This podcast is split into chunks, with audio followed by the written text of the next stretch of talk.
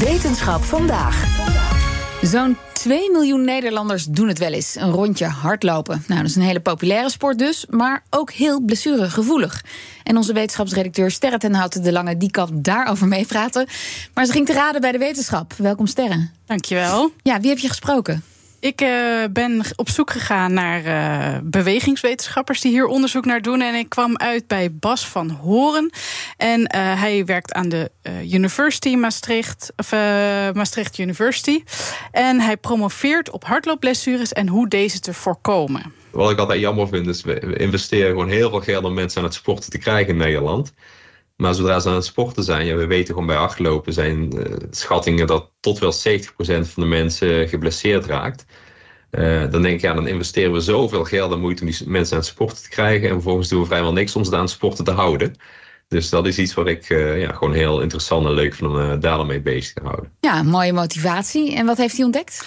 Nou, Bas die heeft heel veel onzin ontdekt. Of ja, eigenlijk, hij heeft ontdekt wat voor een onzin hardlopers elkaar vertellen.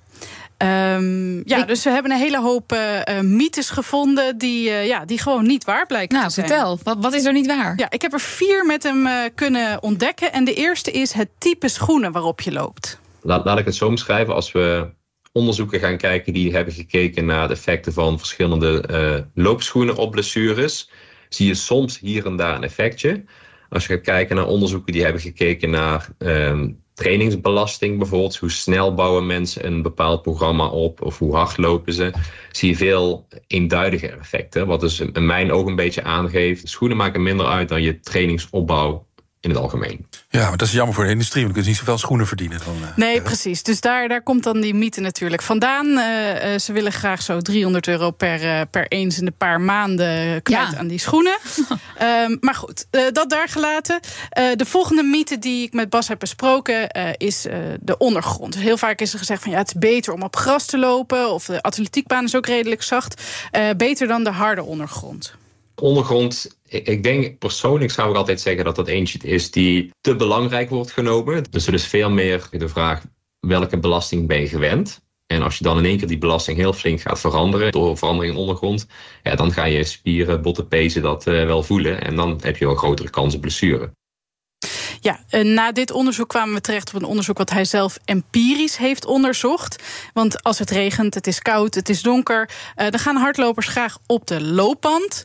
En in tegenstelling tot, uh, tot buitenrennen dan.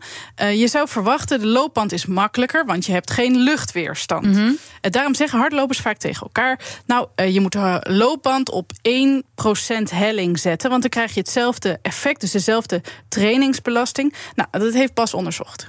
En wat daar wel interessant was, is dat we dus vonden dat eigenlijk maar één onderzoek ooit heeft gevonden dat 1% helling betere overeenkomst geeft met buitenlopen ten opzichte van 0% helling. En vrijwel alle onder, uh, onderzoeken vinden eigenlijk helemaal geen verschil. Maar hoe zit dat dan met die luchtweerstand? Want op een loopband kan je niet tegen de wind inrennen. Nee, precies. Die functie zit er niet op. Nee, dat klopt. Uh, ja, dat is een hele logische gedachte. Maar Bas heeft toch echt empirisch onderzocht dat de luchtweerstand uh, die je ervaart met hardlopen eigenlijk verwaarloosbaar is. Echt? Hij heeft het onderzocht. Ja, hij heeft het onderzocht tot 16 km per oh, uur. okay. Nou ja, ja. Uh, dat is ik, echt keihard. Ja, is dat is dat, vrij hard. Dan Ja. Bas, ik heb Bas gevraagd, dus fanatiek hardloper. Um, hij rent een stukje harder dan dat. En hij zei, nou ja, goed. Maar hoe dan ook, tot 16 km per Maakt uur maakt niet uit. dus niet uit. Nou, dan komen we uh, bij de derde mythe uh, met wie ik me- waarmee ik het heb gehad met Bas. Um, en dat is de cooling down. En dan zien we dus eigenlijk dat de een cooling down ja, helemaal niet zo'n uitgesproken voordelige effecten heeft. Ook daar zijn er weer wat tegenstrijdige bevindingen. Maar als ik het simpel samenvat, zou ik dus zeggen dat er niet heel uh, eenduidig bewijs dat het heel voordelige effecten heeft. Dat je sneller gaat herstellen of bijvoorbeeld minder blessures van gaat krijgen. Oh, dat verbaast me wel. Ja, ja want, mij ook. Want je hebt meer spierpijn als je stopt en dan helemaal niks meer doet. Ja, dat is dus. Hij heeft, hij heeft gekeken naar hoe mensen het ervaren en wat Ja. je in de spieren Ah, kunt oké. vinden.